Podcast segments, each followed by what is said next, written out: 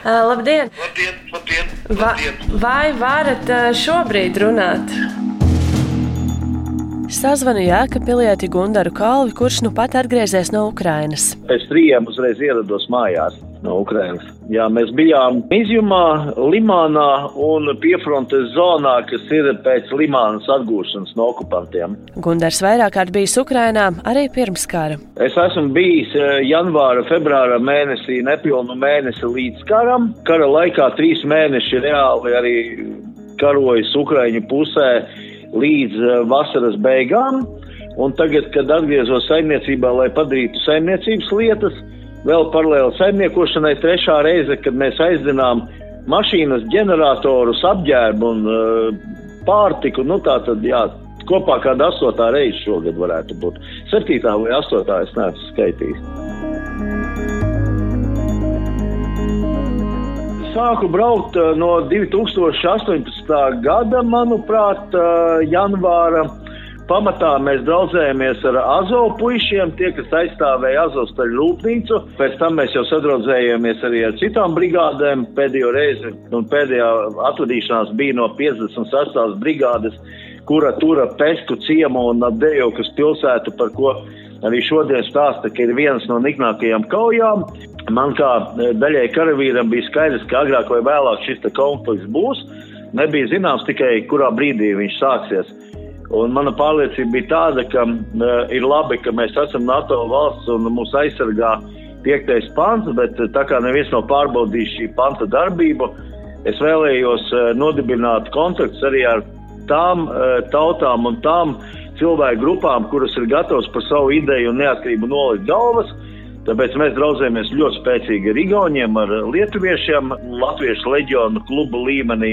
Un Ukraina bija nākamais solis, un tādējādi apmeklējot vairāk kārt Ukrainu, es gūstu pārliecību, ka, ja notiek trieciens nevis pa Ukrainu, kā notika 24. februārī, bet, piemēram, Krieviem ienāktu prātā doma pārbaudīt piektā panta stiprību un mēģināt uzbrukt Baltijas valstīm, tad vesela pusarmija Ukraiņa nāktu mums palīgā tieši tāpat, kā šobrīd mēs ejam viņiem palīgā. Mana iekšējā pasaule balstās uz trim mīlestībām. Tā ir saimniekošana savā zemē, savā saimniecībā, protams, ģimene Latvija un apkārtējā vide, to es vispār nepieminu, jo tas ir pašsaprotami. Tālāk ir dzēja, kultūra un intelektuālā pasaule, un trešā ir militārā. Un šajā gadījumā, dzīvojot savus 50 gadiņus, es strādāju tajā jomā, kura tajā brīdī ir vissvarīgākā. Tad, kad pienāca grūti laiki militārā jomā mūsu brāļiem un māsām Ukrainā, tad, protams, prioritāri es kļuvu vairs nevis par uzņēmēju vai par rakstnieku, bet par armijas cilvēku. Un tādēļ tas ir noticis pilnīgi pašsaprotami, līgani, bez jebkāda iekšēja lauziena, jā, jo man tur ir jābūt savādāk būt nevar. Gundars ir gatavs aizstāvēt Ukrainu līdz galam. Mani draugi ļoti tuvi, diemžēl neatbild uz zvaniem, kurš no februāra sākuma, kurš no marta mēneša. Es zinu, ka vairāk ar viņiem neredzēšos un čaļiem kas ir nu, devušas vērstu savai cīņai līdz, teiksim, galīgai uzvarai, tā būtu nodevība pret saviem čaļiem, ar ko kopā ir būt. Tādēļ man ir jāņem ierocis un lai aizstāvētu arī par viņiem šo skaisto zemu Ukrainu. Mūsu kaujas gaita sākās Latviešu vienībai Irpiņā aizstāvot Kīvu. Tur bijām ļoti, ļoti īsu brīdi. Vēlāk mums pārmeta pāri nelielai dabiskam upītei uz ciematu Romanovka. Tur jau nobijām ilgāk, aizsargājām artilērijas vienības, kuras tika nepārtraukti apšaudītas no Krievu artilērijas puses.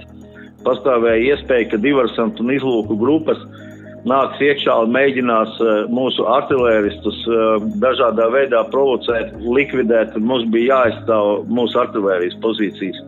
Tad, kad Krievi atkāpās no Bučas un Hostomeļas, tad mēs atpūtāmies Kijavā divas dienas un devāmies uz austrumu fronti. Un mūsu bataljons tika izvietots austrumu, ziemeļaustrumu pozīcijās aiz izjumu, starp izjumu un Slojansku.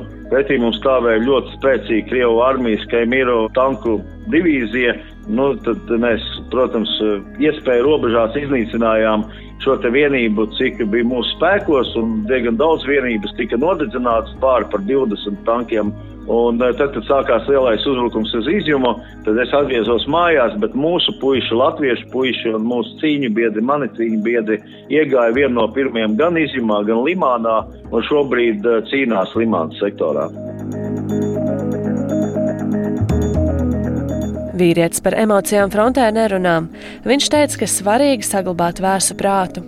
Aizstāvot Ukrainu, viņš sargā arī Latviju, ko ļoti mīl.